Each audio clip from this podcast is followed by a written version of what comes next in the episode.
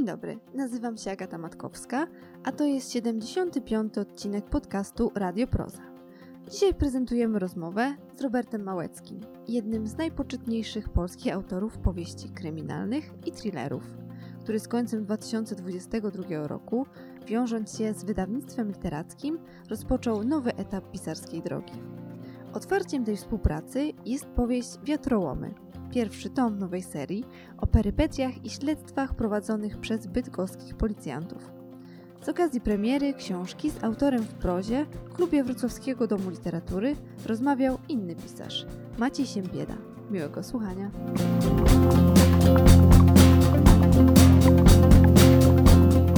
Dobry wieczór. Witamy Państwa pięknie we Wrocławiu na ważnym spotkaniu z wybitnym autorem kryminałów, którego przedstawiać nie muszę, sądząc po Państwa minach i reakcjach, jak tu wchodził, ale y, obyczaj savoir-vivre okazuje, nakazuje powiedzieć to wprost. Robert Małecki. Dobry wieczór.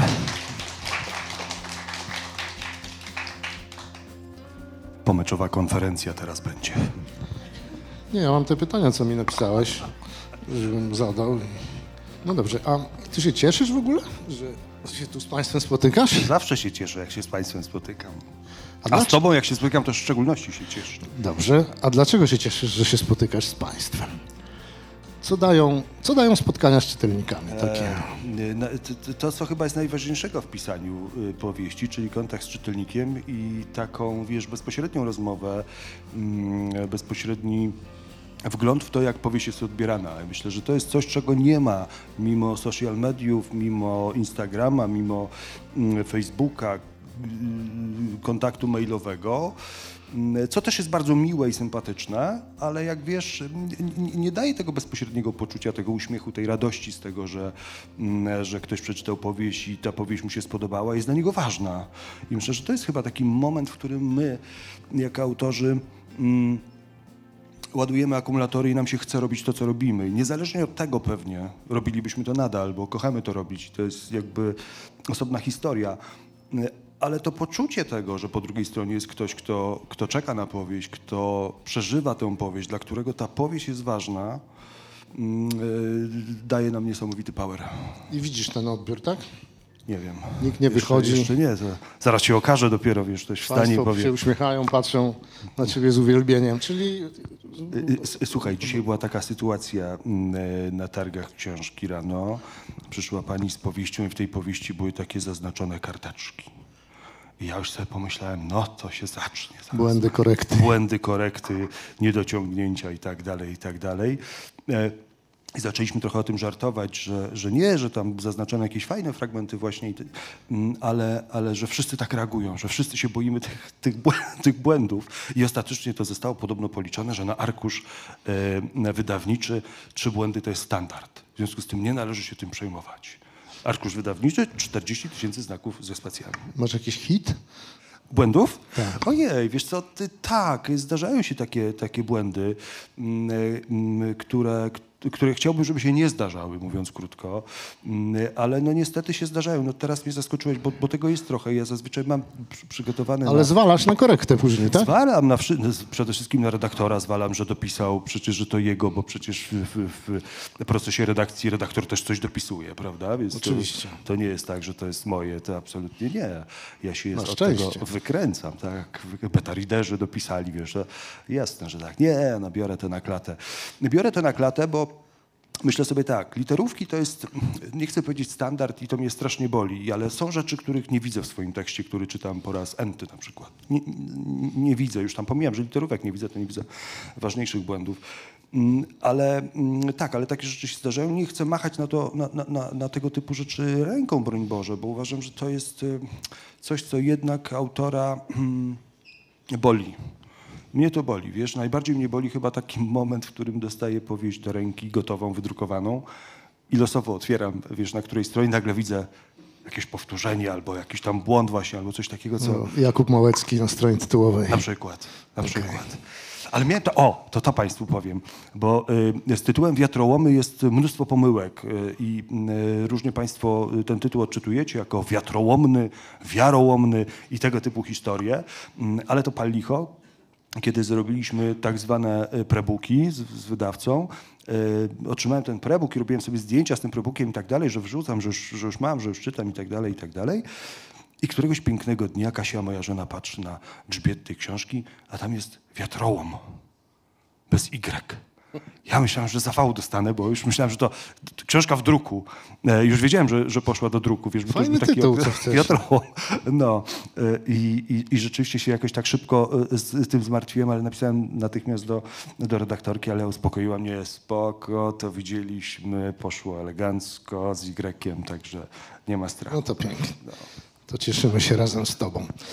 Dobrze, a skoro już jesteśmy przy tych relacjach z czytelnikami, to mnie ostatnio doszły takie plotki, że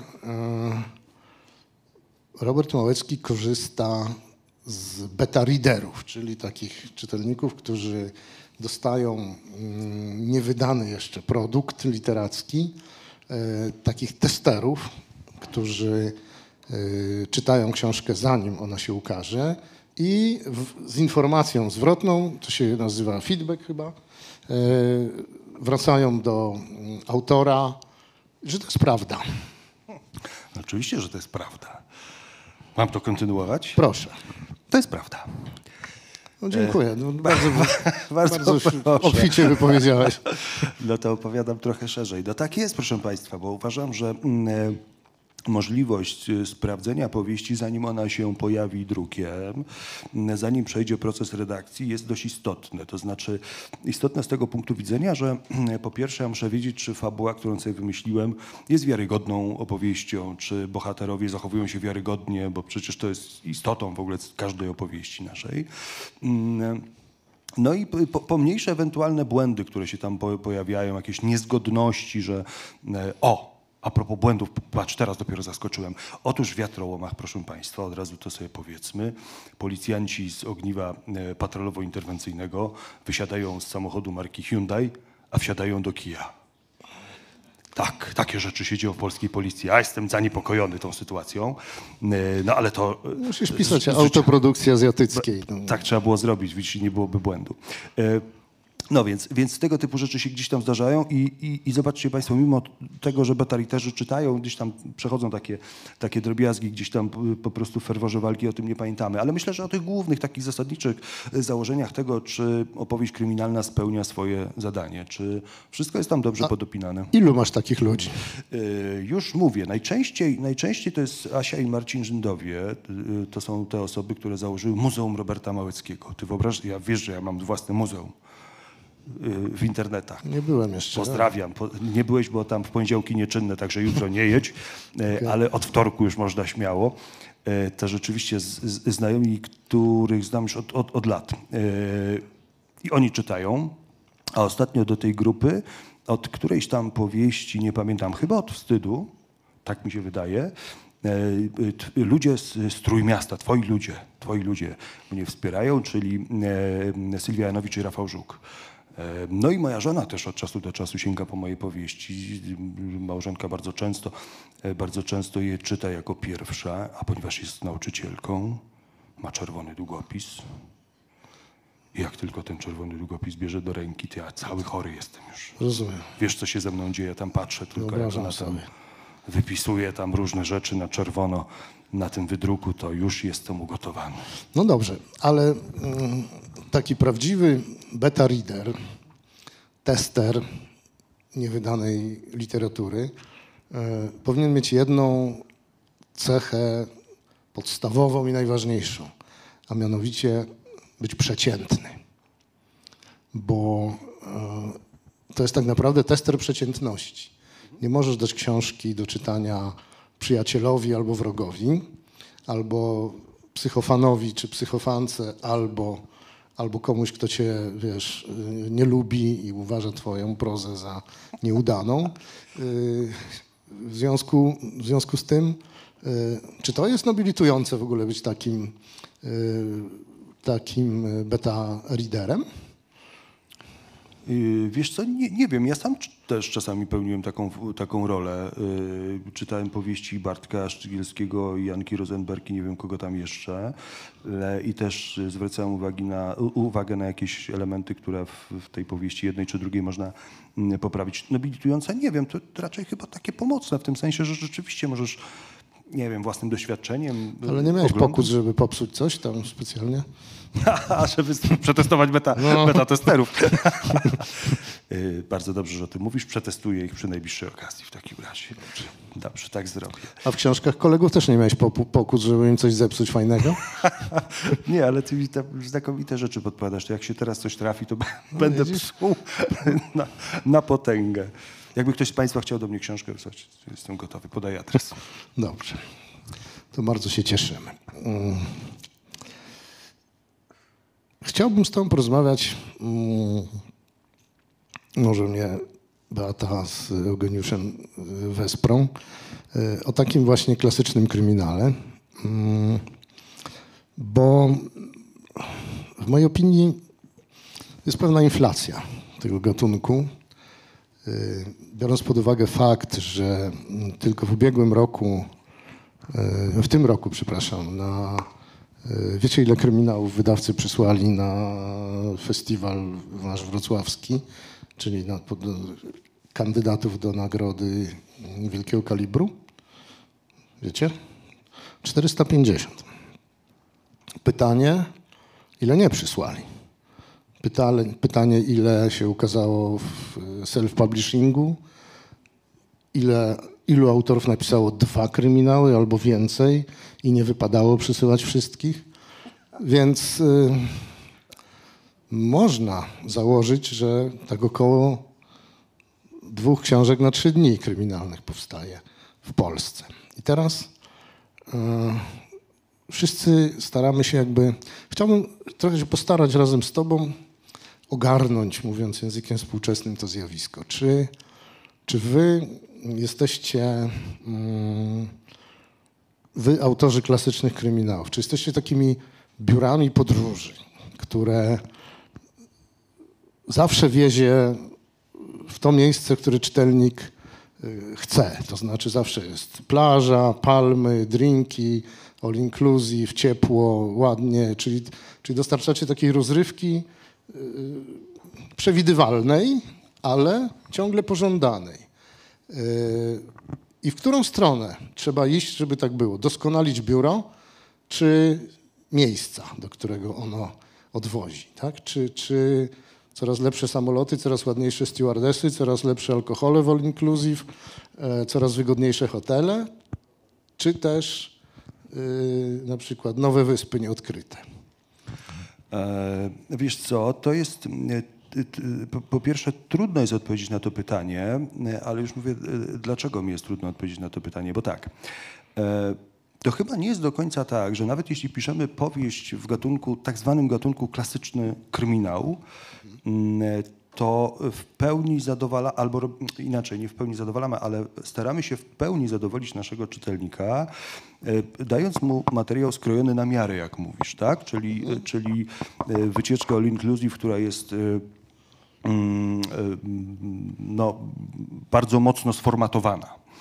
E, Tak chyba nie jest do końca, bo na przykład, y, y, y, kiedy myślałem sobie o wiatrołomach, pierwsza rzecz, która przyszła mi do głowy, to to, że bohaterowie nie są bohaterami, których da się polubić od pierwszego strzału. E, I zacząłem się zastanawiać, czy tak bym chciał robić, czy to jest jakby kierunek, który powinienem przyjąć, czy muszę za każdym razem myśleć o tym, tak jak, y, mm, tak jak robi to na przykład y, Harlan Coben, że tego bohatera muszę polubić natychmiast. Tak? To jest kwestia, nie wiem, pierwszych pięciu, dziesięciu, najdalej 15 stron. Ja już go muszę lubić po to, żeby mu kibicować.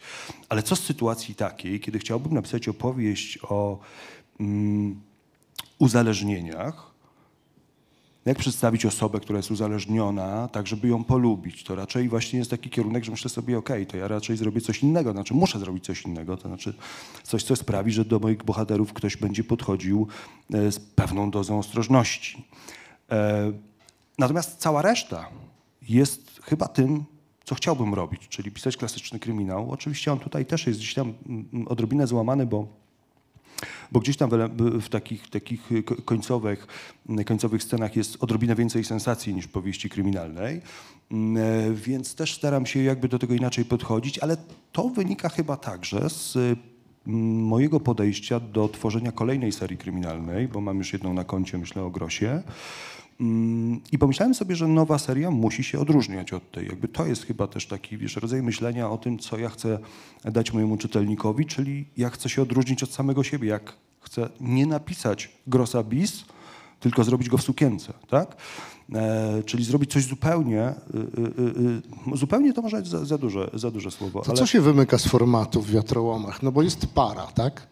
Tak, jest para przede wszystkim, czyli chociaż w klasycznym kryminale, no, nie, nie wiem, czy można by powiedzieć, że tylko zawsze jest jeden główny śledczy. No pewnie tak moglibyśmy przyjąć, No, ale oni jeden... są równorzędni. Ale akurat. oni są równorzędni, więc, więc, więc rzeczywiście myślę o tym, że bohaterowie, których, któ- którzy się pojawiają, on i ona, to, tak jak mówię, no gdzieś tam pewnie, pewnie można by o tym pomyśleć jako o klasycznym e, ujęciu, Mm, ale rzeczywiście bohaterowie, którzy mają dość, dość dużo problemów, no i to jest też pewnie element, który w kla- klasycznym kryminale się pojawia i, No e, tak, i funkcjonuje. uzależniona od hazardu. Tak jest, tak jest. Y, On od innych... y, Co jest na pewno oryginalne, bo z reguły są uzależnieni od alkoholu, narkotyków, nie wiem, seksoholicy i tak dalej. No tak, więc, więc rzeczywiście próba poszukiwania czegoś, czego nie tyle nie było, co może nie było tak eksploatowane.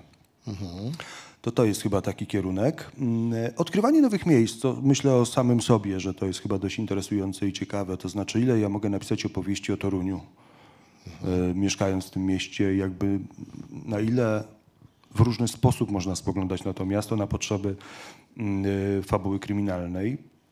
No bo, no bo też bym nie chciał, żeby, żeby to miasto się zgrało, mówiąc krótko, w moich oczach, tak? Po prostu, że ja już nie, niespecjalnie wiem, jak je przedstawić w kryminale, więc, więc szukam sobie takich miejsc, które, e, które w Kujawsko-Pomorskim mogłyby jeszcze zafunkcjonować i stąd między innymi Grudziądz. Mm, No i to chyba, i to chyba wszystko. Nie wiem, czy jeszcze coś, co by... mm, Pozwolisz? Tak, śmiało. Ja sobie dzisiaj cały dzień obiecywałem, że się nie będę z tą kłócił, ale mam nadzieję, że to się dobrze skończy. Nawet mnie nasi wspólni czytelnicy prosili, żebym nie zadawał tego pytania przypadkiem. W internecie prosili. I oto ono. Social media. I oto ono. Bohater czy opowieść? My jesteśmy tu po dwóch stronach barykady, od razu Państwu. jesteśmy po dwóch stronach barykady. To jest zresztą coś, co sprawiło, że przestaliśmy być przyjaciółmi, prawda? Tak, no, trudno. I już się nie lubimy w ogóle. No tak w życiu bywa, no cóż. Yy, bohater. Bohater, znasz tę moją odpowiedź, będziesz ją zaraz torpedował. Mm, Ale nie mam złudzeń, że od czasu mm, najważniejszego bohatera dla literatury kryminalnej, czyli mam tutaj na myśli Sherlocka Holmesa, mm, nie ma bardziej ikonicznej postaci w tym gatunku literackim niż, y, niż Sherlock Holmes, widziany oczami doktora Watsona. E, historie e, opisywane przez y, Artura Conan Doyle'a skupione są wokół bohatera. W ogóle żyjemy w świecie superbohaterów. E, I w kinie nie ma niczego innego niż bohaterowie. Jest Indiana Jones, jest, jest Shrek, jest e, 150 innych bohaterów, wyrazistych postaci, dla których mm, historia nie zawsze ma znaczenie tak wielkie, jak to, że bohater będzie przeżywał z nami kolejne spotkania. I teraz dlaczego o tym mówię? Bo mi się strasznie, ja, zawsze lubię przypominać, e, drodzy Państwo, e, czwartą część Indiana Jonesa. Nie wiem, czy miałeś okazję oglądać. Powiedz, że nie. To z kryształową czaszką. Tak, oglądałeś. Oglądałem. A pamiętasz? już Jestem w tym wieku, że mogę nie pamiętać wszystkiego. A ja sobie przypominam właśnie, dlaczego, dlaczego y, strasznie lubię ten początek tej opowieści, bo co tam takiego e, interesującego i ciekawego się wydarza z punktu widzenia twórcy, twórcy który ma na scenę wprowadzić Indiana Jonesa. E, I co tam się wydarza? No wydarza się to, że tego Indiana Jonesa tam w ogóle nie ma na początku. A jak się pojawia, to się pojawia jako cień jego kapelusza najpierw. Czyli mówimy o atrybutach pewnych, prawda, danej postaci, po, po, po, po których dopiero rozpoznajemy tę postać i dopiero oddychamy pełną piersią, że oto jest nasz główny bohater i on, do, on wraca. I w gruncie rzeczy cała historia, mam wrażenie, może być nie tak istotna mm, e, dla tej całej opowieści, jak to, że przebywam z e, Harrisonem Fordem grającym Indianę. To jest chyba, to jest, ja, ja tak na to patrzę. Będzie piąta część. będzie piąta część, nawet widziałem jakiś już y, jakąś zapowiedź. Zwiastun, tak. tak. jakiś zwiastun właśnie filmowy z, z Harrisonem Fordem. W związku z tym tak, to, mm, to chyba też pokazuje, że, jak, że siła opowieści leży po stronie bohatera, że ten bohater nas przyciąga do kin, że często jest tak, że, że mm, ty masz to samo, kiedy pada pytanie o Jakuba Kanie, kiedy będzie kolejna powieść z Jakubem Kanią. E, to pokazuje, jak jesteśmy przywiązani do tego bohatera, jak ten bohater jest dla nas ważny. Ja to tak widzę. Późno jest. Y, No dobrze, przeskoczmy na miejsce. Mm, Łatwiej ci się pisze o miejscach, które znasz, widzi, czy w ogóle przenosisz się w wyobraźni pisząc tam, gdzie dzieje się akcja? Czy bohatera też widzisz, jak on wygląda? Tak, chyba tak jest rzeczywiście, że, że y, ja nie wiem, czy ty też tak masz, że, że, że tworzymy trochę, że piszemy trochę obrazami, znaczy w tym sensie to, co widzimy, to staramy się gdzieś przelać na, na papier i później jest taka też próba Ale widzisz go na tyle, że jeżeli on jest, y, że tak powiem, ma takie głowy jak my, to, to się nie czesze tam nagle szczotką, tak? Czyli, czyli, czyli widzisz go na tyle, żeby nie popełniać błędów. Staram się, ale to też różnie bywa. Znaczy, taką chyba największą wagę przywiązuję rzecz jasna do bohaterów pierwszoplanowych, natomiast tych wszystkich, wiesz, tam sześcioplanowych, trzecioplanowych, najczęściej sobie piszę, żeby nie wstrzymywać się z akcją i nie weryfikować tego, w co kto był ubrany, czy miał włosy długie, czy krótkie, bo tego oczywiście nie jestem w stanie zapamiętać po, dwu, po 200 stronach. E, No to sobie gdzieś to odnotowuję, żeby to potem zweryfikować i sprawdzić. Ale, ale tak, ale, ale miejsca chyba, bo, bo Miejsca. pytasz, No tak, przy- bo, bo pytasz o to, to, to, to, to jest taka sytuacja, w której mm, do tej pory pisałem mm, powieści, w których e, dotykałem faktycznych, prawdziwych miejsc, mm, e, które starałem się dość dobrze z, e, zgłębić i zobrazować sobie, jakby jechać w daną przestrzeń, jeszcze raz tam się po, po, poprzechadzać, bo zawsze mm, powtarzam jedną rzecz.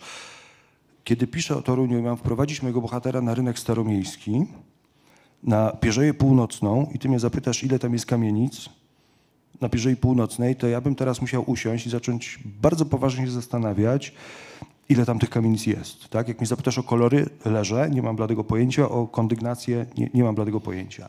A jestem tam, no nie chcę powiedzieć codziennie, ale bardzo często. W związku z tym pewnie powinienem mieć obraz tego miejsca, wiesz, jak w małym palcu. Tymczasem nie mam tego miejsca. To znaczy ja mam ducha tego miejsca, jakiś obraz tego miejsca, jestem w stanie coś napisać, ale w detalach na pewno nie. Dlatego bardzo lubię jeździć w takie miejsca i bardzo lubię mm, e, raz jeszcze to wszystko weryfikować, po to, żeby czuć się spokojniej, kiedy piszę, kiedy wprowadzam mojego bohatera w to konkretne miejsce. Ale zrobiłeś eksperyment z miejscem zmyślonym. Ale zrobiłem eksperyment z miejscem zmyślonym i, mm, i zacząłem się zastanawiać i, i też ktoś mi zadawał takie pytanie, co jest w takim razie łatwiejszego? Wymyślić sobie miejsce akcji, w, w sensie całkowicie je stworzyć, Mm, czy osadzić tą akcję powieściową w miejscu, które dobrze, dobrze znam albo które po prostu fizycznie istnieje. Z punktu widzenia mm, topografii danego miejsca, jasne wybieram miejsce rzeczywiste. Tak? Wszystko można sprawdzić, zmierzyć, zweryfikować, nie ma z tym problemu.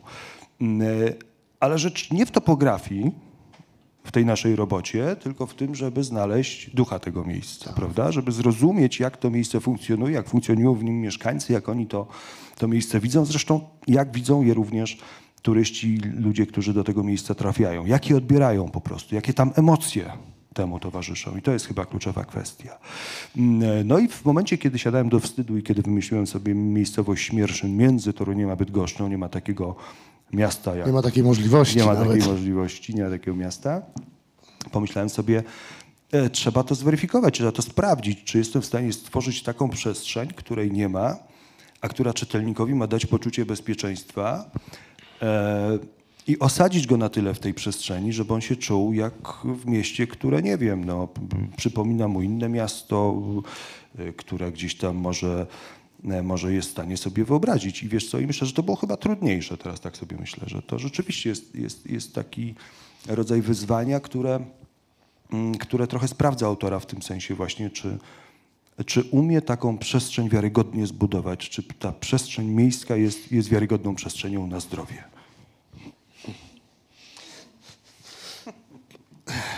Przyłączam się. Mm, No dobrze. A Ale czekaj, bo tak szybko. A ty żeś kiedyś zmajstrował przestrzeń no fikcyjną? to z tobą jest spotkanie. Ale Państwo by chcieli usłyszeć odpowiedź od y, pana y, autora, Nie, nie kolejny chcieli. pan autor wchodzi, y, zobacz, kolejny autor wchodzi i przychodzi, Marcel Woźniak. Witamy cię serdecznie. Z- widać, Jemu jest- też zaraz zadamy Widać, że jest po meczu Zg, zgnębiony. No więc jak to jest u ciebie, powiedz? Z miejscami? Zawsze są prawdziwe. Zawsze pra- prawdziwe, ale wiesz, nie wiem czemu się ucieszyłem z tego, że powiedziałeś, że, że lepiej się czujesz w miejscach prawdziwych e, niż w takich Tak. e, całkowicie zmyślonych. Mm. No dobrze. E, Światem wydawniczym wstrząsnęło twoje przejście do wydawnictwa literackiego z książką, która jest bohaterem dzisiejszego spotkania. Yy, Chyba nie odkryję Ameryki, mówiąc, że to jest cykl.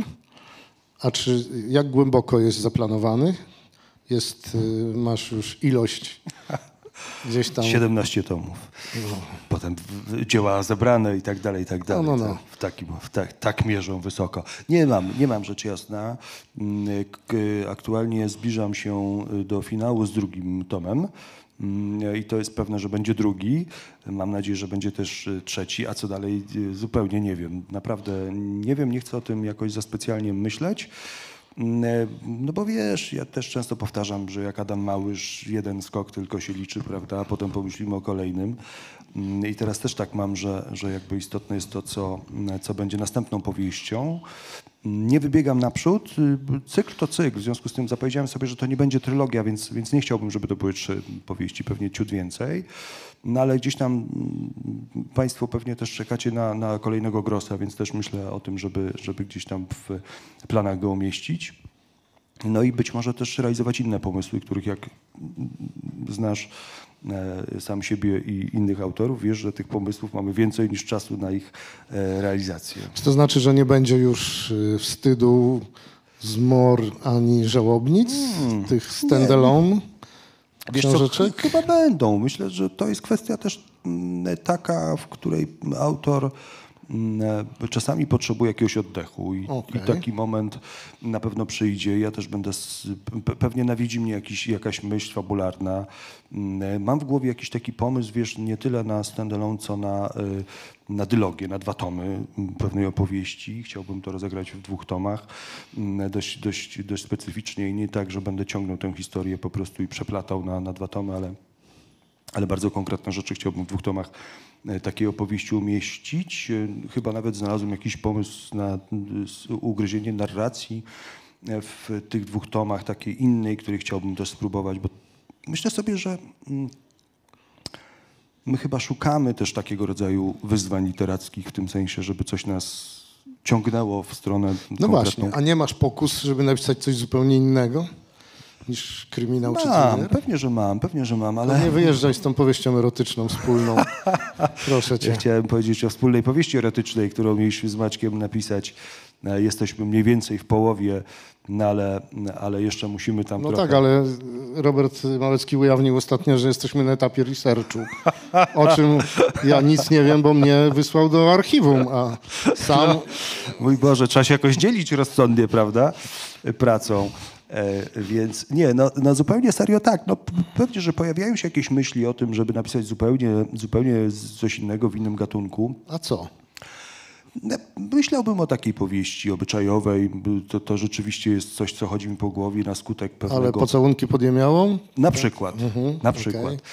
E, e, Coś, co chodzi mi po głowie od czasu, kiedy mm, dość mocno zacząłem się wsłuchiwać w utwór Marka Knopflera Go My Love.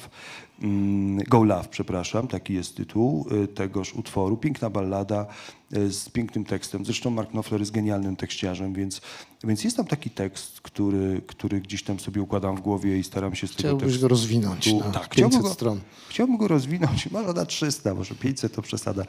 I nawet padają mi tam jakieś pomysły, wiesz co, i to jest tak chyba, że mm, tego typu rzeczy, które się rodzą w głowie, gdzieś sobie odkładam na bok. To znaczy chciałbym, żeby to były rzeczy dopracowane, e, takie przemyślane gruntownie, żeby to nie było tak, że dzisiaj się zachwycę, jutro usiądę i zacznę pisać i w połowie się okaże, że to mi nie wychodzi w ogóle, wiesz, że to nie jest ten sposób opowieści no, i tak dalej, i tak dalej. A poza tym też się zastanawiam, wiesz, no, jak ja się postawię w takiej sytuacji, kiedy zacznę pisać opowieść i tam nie będzie, mm, nie chcę powiedzieć trupa, ale jakiegoś zaginięcia, czy ja sobie z tym poradzę, czy ja to udźwignę, czy ja gdzieś tam mm, automatycznie, wiesz, wpadnę w jakieś takie tory i będę próbował pod płaszczykiem opowieści obyczajowej napisać jakiś thriller, wiesz, i jakieś inne tego typu historie. Nie, raczej bym myślał o tym, żeby rzeczywiście y, przysiąść do tego, ale to nie jest najbliższa przyszłość na pewno. To na pewno nie jest najbliższa przyszłość, to jest raczej gdzieś taki pomysł odkładany, który mm, też podlega takiej weryfikacji czasu. Y, y, Myślę, że wiesz, o czym mówię, prawda? Tak, to jest- ale bardzo mi się podoba to, że w siebie wątpisz, bo e, rzeczywiście y, takie przekonanie, że napiszę powieść obyczajową, która jeśli będzie spod mojego pióra, to na pewno będzie fajna, e, bo już to umiem i to wcale nie jest pycha, tylko taki rodzaj, wiesz, już troszeczkę mm, niebezpiecznego samozadowolenia i cieszę się, że, że mówisz... y, znaczy, cieszę się, że zachowujesz skromność, bo moje relacje z Robertem mm, prywatne y, wzięły się z fascynacji jego skromnością. Pamiętam, że jedno z pierwszych, y, może zazdrości o skromność, y, je, je, jedno z pierwszych przysłów chińskich, jakie mu zacytowałem, brzmiało pamiętaj, jak idziesz w górę, to nisko się wszystkim kłaniaj, bo możesz wracać tą samą drogą. I on, on to ciągle robi. Poza tym, skoro już jesteśmy przy komplementach, mm, dzwoniłem, go, dzwoniłem do, do Roberta yy, po, po wiatrołomach. Yy, bardzo pozytywnie zaskoczony, nie wiem czy Państwo, jego czytelnicy to też zauważyliście, yy, pewną ewolucją języka autora. Czy moim zdaniem te, ta powieść jest napisana ładniej. Yy, Mówię to jako polonista, nie jako konkurent czy, czy autor beletrystyki, ale naprawdę ten język yy, jest coraz dojrzalszy. Widzę taką yy, oszczędność metafor, ale one są trafniejsze i tak dalej. Także yy, tutaj ci się należą wielkie brawa i moim zdaniem piszesz coraz ładniej. Nawet mam dowody na to. Ja się boję twoich dowodów, ale skoro masz, no to wyciągaj. No na przykład napisałeś dwa tygodnie temu na Facebooku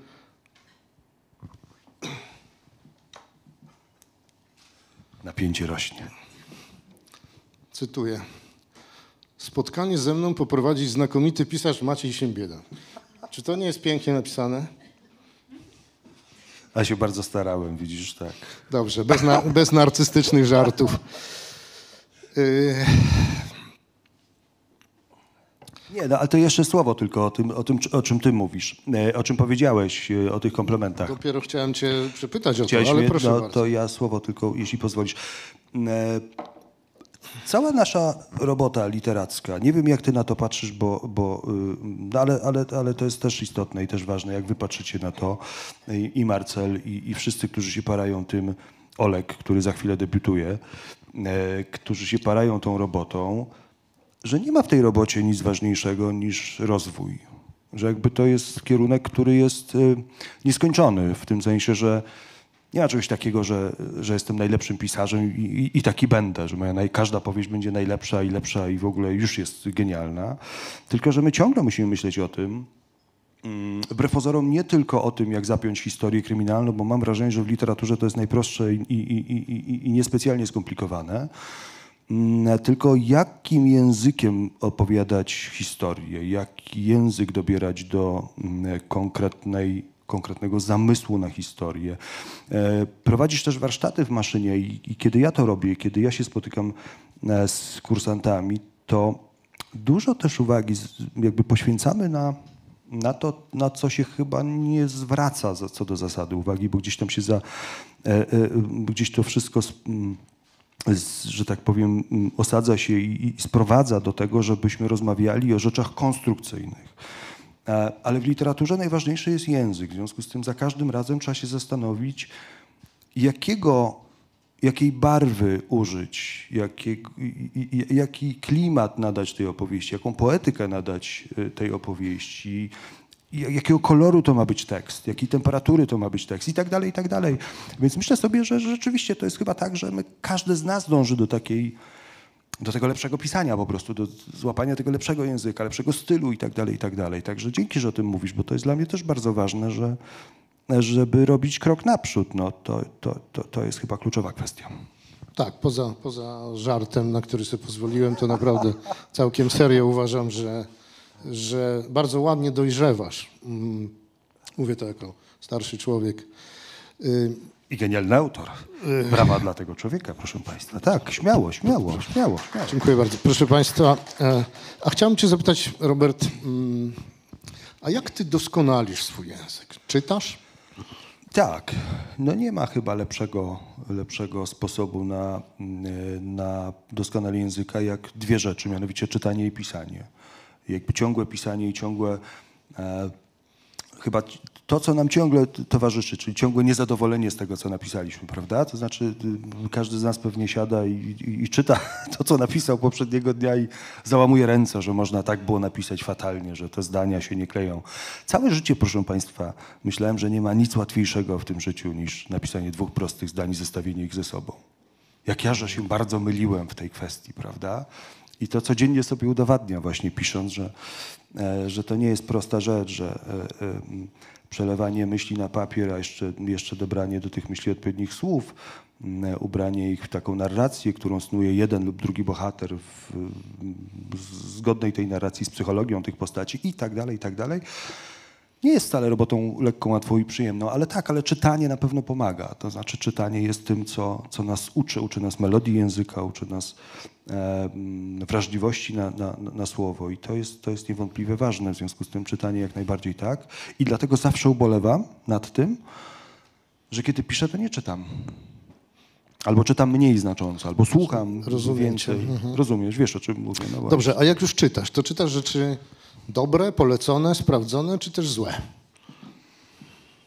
Czy przypadkowe? Z, e, e, różnie się zdarza. To znaczy tak, no, y, złych rzeczy nie czytam, znaczy złe może rzeczy tak, szybko odkładam. Czy na przykład czytasz ulotki na przystanku, afisze, instrukcje obsługi, ulotki leków, czy czytasz takie rzeczy?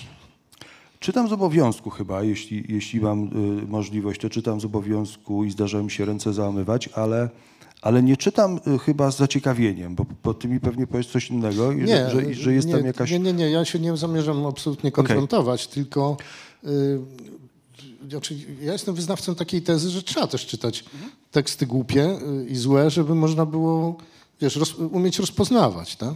Bo Tak, masz tylko, rację. tylko chciałem znać twoje zdanie, czy rzeczywiście powinniśmy się szlifować, oczywiście czytając perły literatury, yy, czy też powinniśmy obcować z językiem na tyle, żeby można było się czasami obśmiać, tak? No chyba każda z tych dróg jest, jest, jest właściwą drogą, to znaczy niewątpliwie no, jakby sięganie po, po, po, po perły jest po to, żebyśmy mieli, mm, żebyśmy widzieli dystans, jaki dzieli mnie, twórcę, od, od, od tej doskonałości, którą chciałbym kiedyś osiągnąć, a która jest nieosiągalna dzisiaj.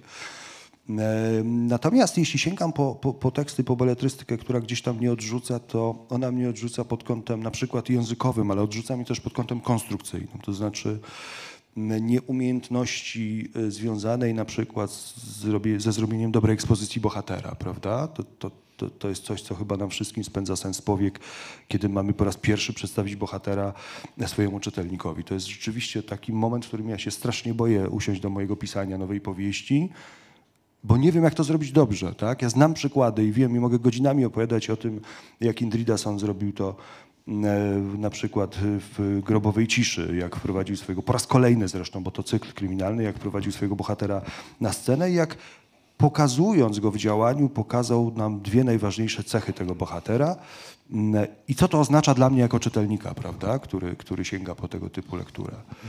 Albo w jaki sposób buduje napięcie w scenie, tak, w jakiejś innej powieści i tak dalej, i tak dalej. Więc, e, więc to są rzeczy, które, mm, na które, wiesz, no, po, po które sięgam i które kiedy sam mam coś napisać, to sobie próbuję to jakoś tak, wiesz, podnosić do tego, jak to powinienem zrobić dobrze, nie? E, Inspirujesz się? Tak, inspiruje się. Inspiruje się, w ogóle inspiruje się, wiesz co, taką, mm, takim, taką próbą też przyglądania się filmom, tego jak to się robi w opowieści fi- fi- filmowej. To jest w gruncie rzeczy bardzo zbliżone konstrukcyjnie e, e, sytuacje do tego, jak to się robi w opowieściach i, i na zajęciach, na warsztatach w maszynie do pisania też to robimy. Znaczy przyglądamy się przyglądamy się tym konstrukcjom, rozbieramy je na czynniki pierwsze po to, żeby właśnie zrozumieć to, jak tworzyć taką opowieść. E, I że to nie jest tak, że można mieć, że, że w literaturze kryminalnej najważniejsza jest historia kryminalna. Ona jest właściwie, mam wrażenie, zupełnie gdzieś na poboczu. To znaczy, to jest najmniej istotna kwestia y, y, tak naprawdę tego, czym, czym my się zajmujemy. Że jakby to nie chodzi o to, kto kogo tam zabił i, i jak to zrobił w sensie technicznym. E, naprawdę to, to, to nie ma zupełnie chyba znaczenia, tylko bardziej znaczenie ma to, jak te wszystkie klocki poukładać, żeby one do siebie pasowały, żeby Państwo, którzy sięgacie po te opowieści, mieli frajdę z czytania tego tekstu. Tak. Nie? I to się nie bierze, i to się nie bierze z przypadku, tylko to się bierze właśnie z, ze znajomości i umiejętności wykorzystania, właściwie umiejętności wykorzystania tego, tych elementów wszystkich konstrukcyjnych, ale to jest, tak jak wspomnieliśmy wcześniej, nie tylko to, bo jeszcze jest do tego język, jeszcze jest szereg innych, innych rzeczy. No dobrze, skoro weszliśmy w scenopisarstwo, to mm, jaki status ekranizacji?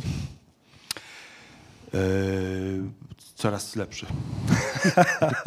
coraz lepszy w tym sensie, że rzeczywiście, nie, nie, nie, specjalnie mogę tutaj dużo powiedzieć, ale, ale chyba się przesunęliśmy gdzieś tam oczko w górę, e, jeśli chodzi o... Grosa. E, o Grossa, jeśli chodzi o Zmorę, bo o tych dwóch tekstach e, na razie możemy mówić jako o tekstach e, kupionych, wykupionych w opcjach, które miejmy nadzieję gdzieś tam przejdą do, do jakiejś późniejszej, kolejnej, kolejnej fazy. I to wszystko trwa. I jakby, wiesz co, ja patrzę na siebie jakby w momencie, kiedy podpisywaliśmy umowę z wydawnictwem poznańskim, z poprzednim moim wydawcą powieści na ekranizację tych, tych tekstów i wtedy myślałem sobie, kurczę, jakie to super, to właściwie już za chwilę to się wszystko będzie działo, I, a potem przychodzi taki moment, że tam się nic nie dzieje, cisza po drugiej stronie, wszyscy pytają, a kiedy ten serial i tak dalej, i tak dalej. I to są rzeczywiście miesiące, to są lata raczej niż, niż tygodnie. I ja zrozumiałem jedną rzecz, że mm, Jasne, mogę leżeć sobie na łóżku, tam wpatrywać się w te dziury na suficie albo jakieś nierówności na suficie i myśleć sobie o tym, y, któż to genialnie zagra komisarza Grossa, a któż by tego nie zrobił genialnie.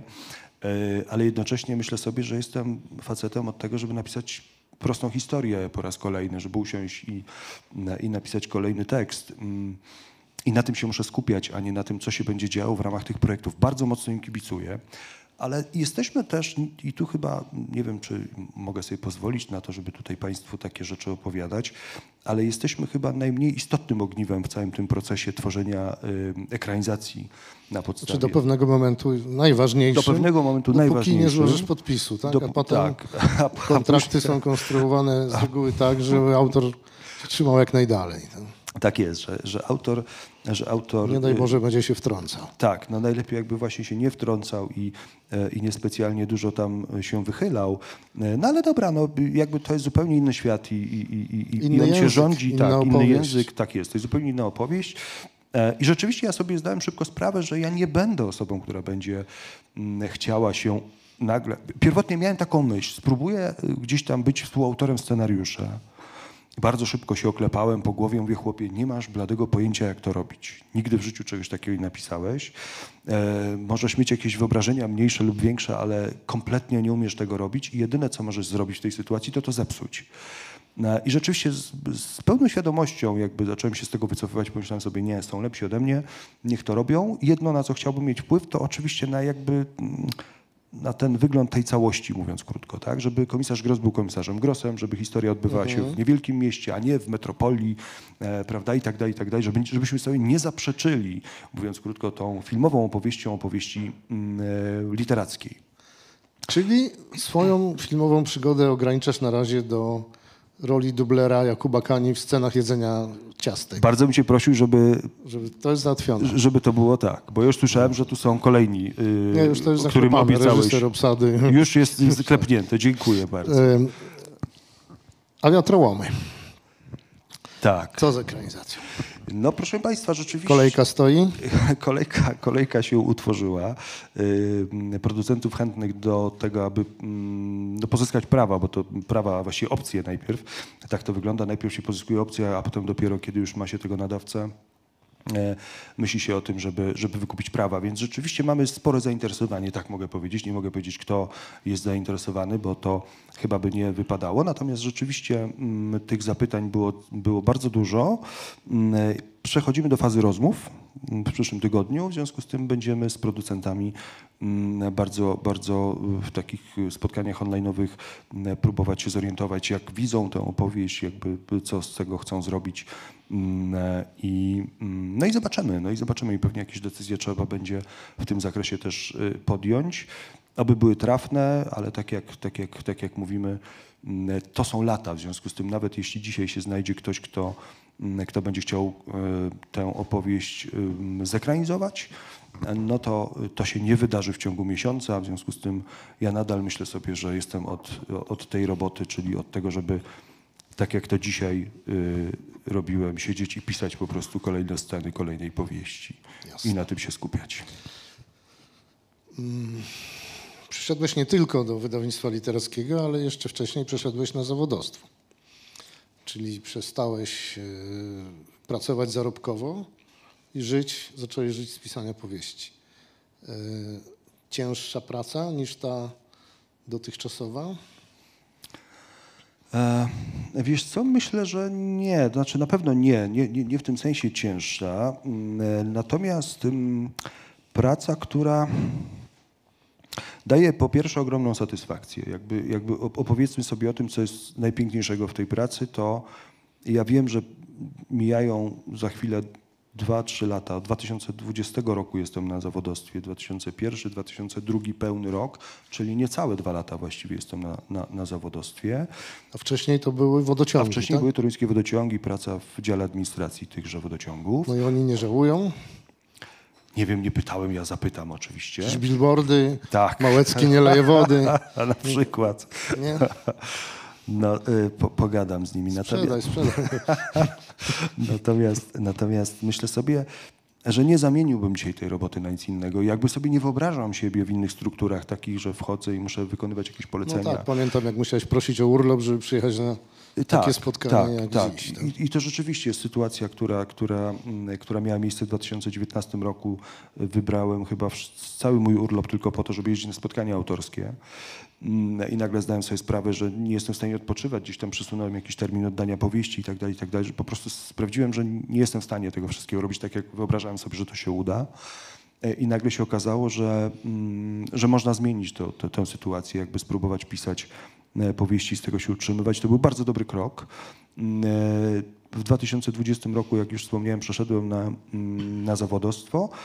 Kalendarz wypełniony spotkaniami na całą wiosnę i wtedy cała na biało wchodzi pandemia, prawda, która zmiata mi mój e, kalendarz z biurka i tych spotkań nie ma, ale jednocześnie myślę sobie, ok, no mam przecież umowę z wydawcą, jestem spokojny, e, nie muszę się na razie niczym martwić i pewnie ta pandemia prędzej czy później zniknie, a ja w tym czasie będę mógł sobie pisać powieści. No i no i dobrze, że tak się stało. To znaczy dobrze, że tak się stało w tym sensie, że, że jakoś się niespecjalnie wystraszyłem i nadal niespecjalnie się boję przyszłości. To znaczy ja, ja, wiem, że ona jest bardzo niepewna, że my dzisiaj, będąc y, autorami, którzy zakładają własne przedsiębiorstwa, bo tak to wygląda, firmy po prostu, tak, i mam działalność gospodarczą jednoosobową, y, podlegam tym samym obciążeniom, y, które dotyczą wszystkich w, w, tym kraju, w związku z tym muszę płacić ZUS, podatki itd., tak itd. Tak I nie są to, jak Państwo doskonale wiecie, małe kwoty,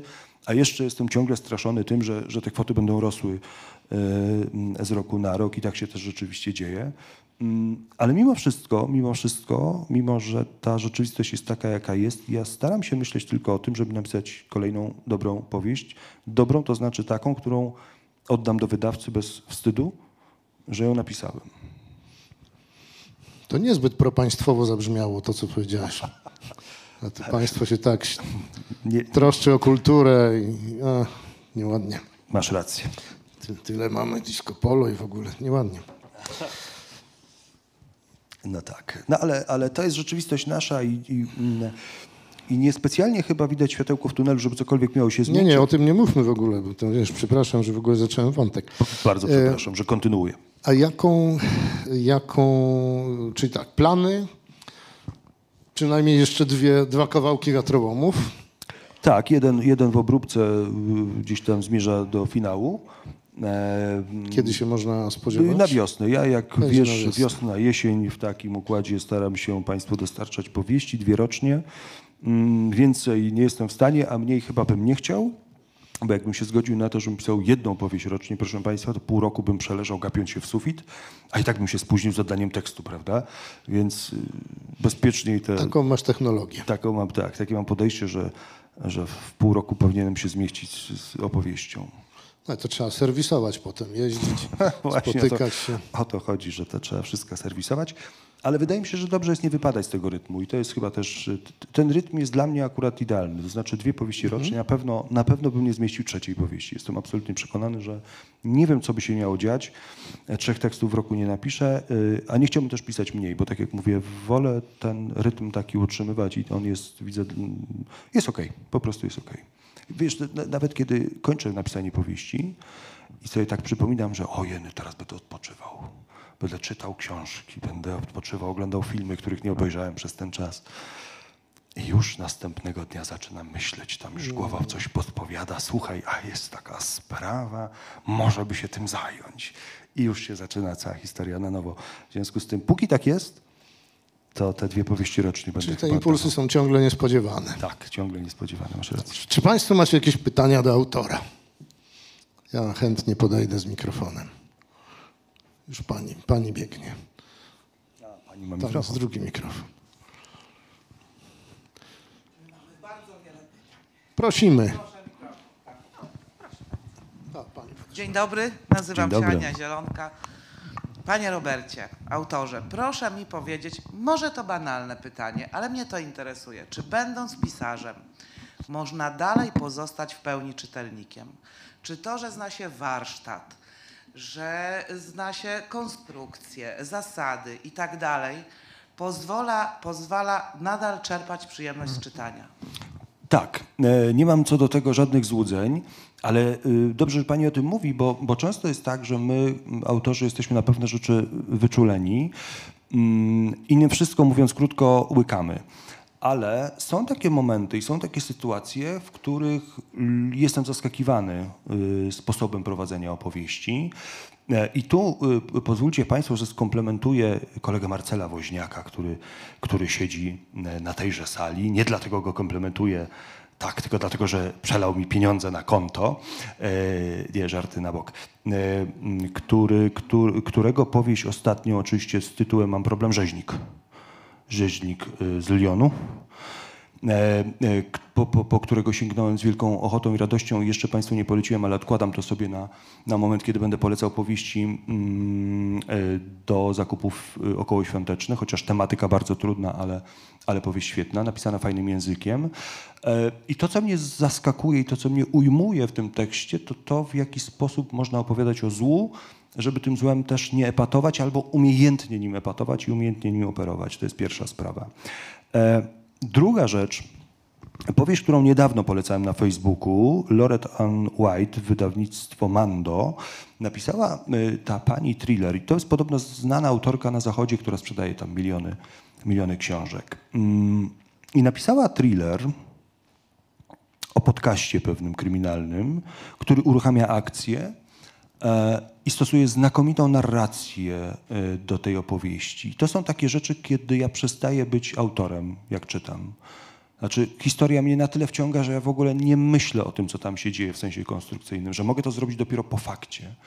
I to jest moment, którego oczekuję od książki dzisiaj rzeczywiście, czyli trudniej mnie na pewno zadowolić jako, jako e, autora powieści, mm, e, ale, ale nadal to się dzieje. To tak samo jak z, jak z kinem. Ja sobie nie wyobrażam, że można by sobie odebrać przyjemność czytania powieści, tak? kiedy sięgam po Maćka powieści. Nie wyobrażam sobie takiej sytuacji, że sobie odbiorę tę przyjemność, bo będę analizował, a jak to Maciej napisał, prawda? W Katarzys czy we wcześniejszych powieściach, w Gambicie. Mm, Nie, to, to są takie momenty, kiedy ja po prostu chcę chłonąć ten tekst, bo, bo, bo ten tekst się sam mi ładuje do głowy i to jest, to jest niezwykły moment i takich momentów oczekuję od powieści po prostu. Więc da się to robić, da się to robić. Dziękuję, mam jeszcze jedno pytanie. Bardzo proszę. Proszę mi powiedzieć, ale Państwo mnie chyba słyszycie, na ile ważna dla Pana jako... A, musimy do streamu, tak. A to on jest, wyłączył się. Tak? y, czyli drugie pytanie y, ode mnie. Proszę mi powiedzieć, na ile dla Pana ważna jest okładka? Na ile Pan uczestniczy w wyborze tej okładki?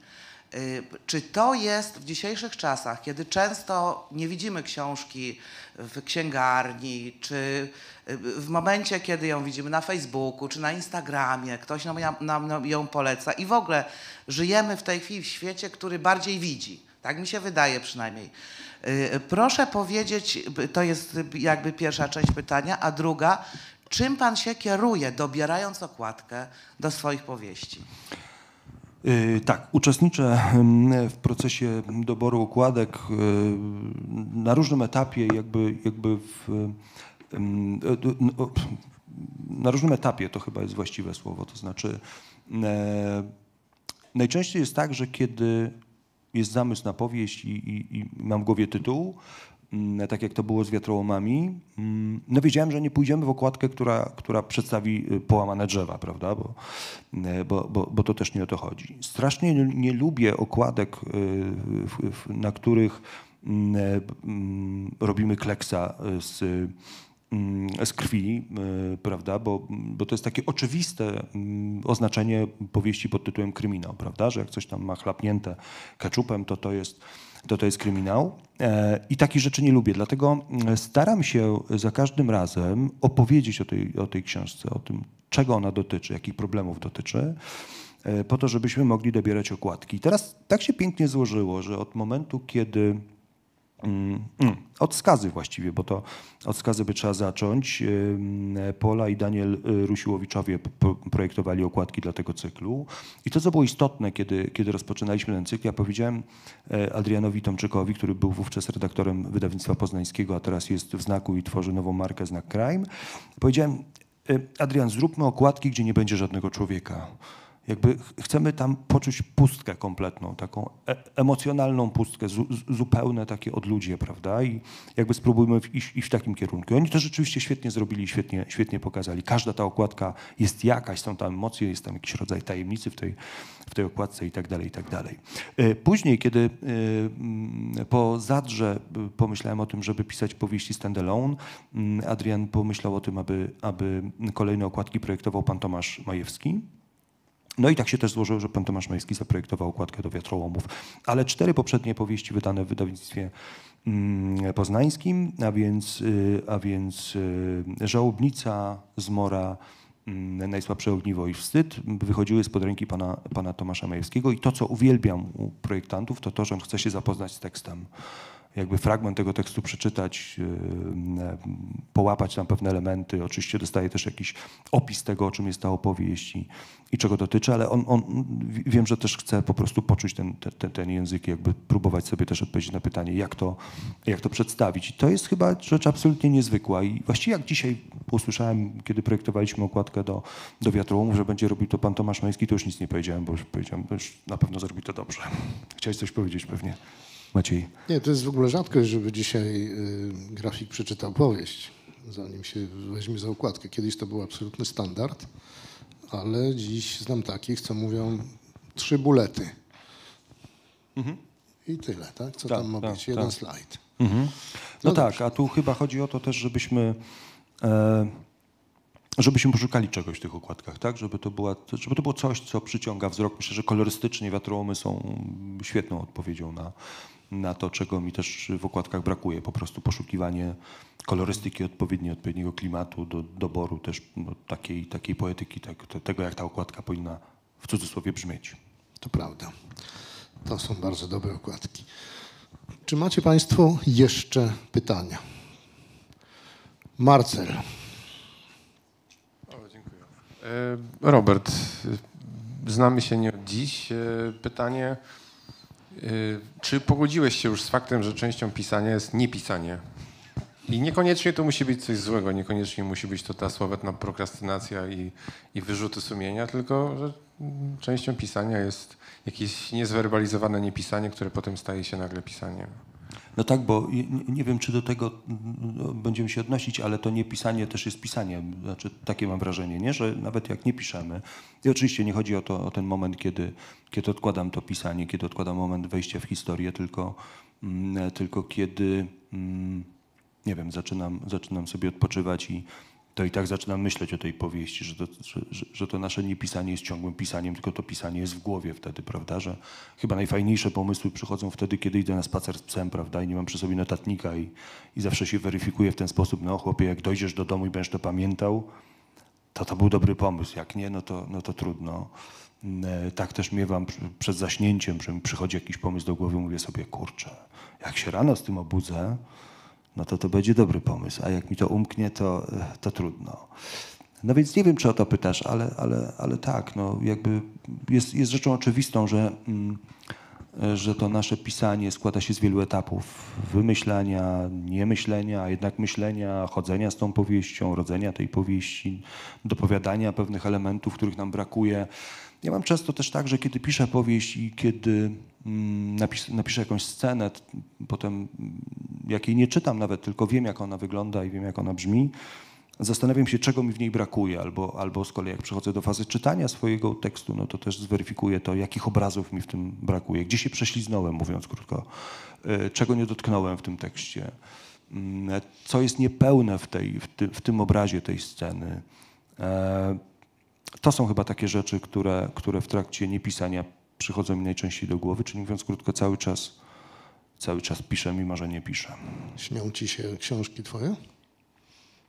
Nie, nie śnią mi się, ale, ale nie jestem w stanie się od nich uwolnić w trakcie pisania. Nie jestem w stanie, i chyba dobrze, że to, to znaczy nie narzekam, tylko chodzi mi o to, że mm, my rzeczywiście tworzymy te powieści nie tylko pisząc, nie tylko siedząc przed laptopem, tylko my je tworzymy także wtedy, kiedy od tego laptopa odchodzimy, kiedy, tak jak mówię, idę na spacer z psem i nagle, nagle uzmysławiam sobie, że albo coś tam zepsułem, albo coś tam jest niepełnego, albo chciałbym, żeby to było pełniejsze, mądrzejsze, ciekawsze, lepsze, a, albo się zastanawiam, wiesz, no, mm, to jest też taki częsty chyba przykład tego, o czym rozmawiamy na warsztatach, że mózg nas oszukuje, że idzie po linii najmniejszego oporu, prawda? Że chcemy odwalić, mówiąc krótko. Przepraszam za to słowo, odwalić scenę. To znaczy, na jakąś scenę w głowie mówię, no dobra, to ją szybko napiszę i po scenie.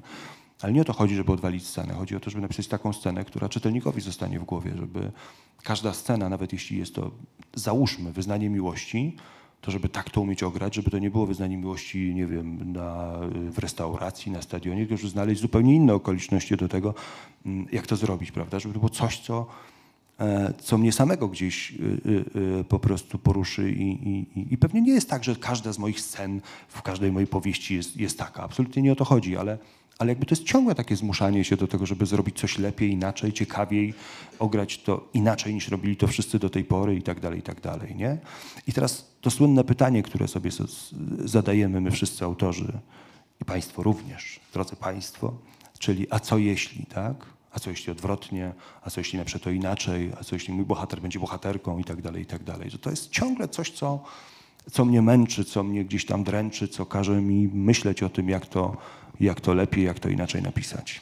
No, jak się jest absolwentem filozofii, to tak musi być. Proszę Państwa, pięknie Wam dziękuję, że zechcieliście poświęcić tak ważny y, dla Polski czas, jak rozgrywki mundialu y, dla Roberta Małeckiego. Jesteśmy bardzo szczęśliwi, że przyszliście. Miło nam było. Jeszcze pytanie. Prosimy Cię bardzo. Chcesz nam zepsuć humor na koniec na pewno. Dobrze, jesteśmy na to gotowi. nie będę konkurencji głaskał. Znaczy, nie mam pytania, mam taki rodzaj zarzutu. Znaczy, do ciebie o pewnego rodzaju tchórzostwo i niewiarę we własne siły. Chodzi mi o ten moment, kiedy powiedziałeś, że e, podpisujesz e, opcję na e, ekranizację książki, prawa autorskie sprzedajesz i potem, no autor już nic nie ma do powiedzenia. Ja wiem, że tak jest, wiem skądinąd, nie jest doświadczenia, ale to jest niedobry moment, bo jak sobie przypomnimy z ostatnich lat, nie wiem, pięciu, dziesięciu polskie seriale, to właściwie nie ma o czym mówić. One są wszystkie skopane. E, Scenarzysta, który najczęściej nie jest literatem w tym znaczeniu, że wydaje później te swoje scenariusze e, w postaci książkowej, y, bierze czyjąś powieść i zapomina o tym, jak przebiega fabuła. Wątki się drą, rwą, postacie najpierw są fajne, potem zanikają, znikają. Dialogi, koszmar. E, W dobrym, bogatym kinie amerykańskim, przynajmniej do jakiegoś czasu, był scenariusz, dialogi. E, Więc e, autor powinien mieć, y, dostać scenariusz do ręki i potem już w tych scenach, bo zgadzam się, scenarzysta y, lepiej zna się na robocie filmowej, wie w którym momencie kamerę trzeba obrócić, jak przesunąć y, aktora, y, kiedy może y, ma krzyknąć, a kiedy nie, ale no, on chyba nie wie, co ma ten aktor krzyknąć, bo, bo jak już krzyczy, to, to, jest, to jest mało sensowne i albo nie pasuje do tej sceny, albo e, ja już nie wspomnę o, mm, o tym, że polscy autorzy y, bardzo niewyraźnie mówią i, i, ciągle my oglądając z żoną serial co jakiś czas stopuję i pytam się, co ona powiedziała. Wiesz. Ja Nie przełączam na wróć. napisy. No, no, albo napisy. No. Udział autora powieści, która jest ekranizowana, jest konieczny i niezbędny. To nie, musi, nie muszą być ogromne pieniądze, ale przecież tobie zależy na tym, żeby ten serial był jak najlepszy. I pewnie byś to zrobił albo za darmo, albo za, za, za, za grosze. A nie potem patrzył i teraz jak, no e, nie bójmy się tego słowa, erynie, po prostu wydaje mi się, że Marek Krajewski powinien się, znaczy nie powinien się wstydzić, powinien się wstydzić ekranizujący jego, jego powieści, bo to, co zrobiono, to jest y, jedna wielka, ewidentna krzywda. O, widziałeś już? Bo, tak, rzeczywiście? Tak, tak, tak. Nie, nie, nie, widziałem. Ale No, nie, obe, Ale- obejrzyj, nie mówi nie oglądaj, ale... nie, nie, ja, jasne. Aha.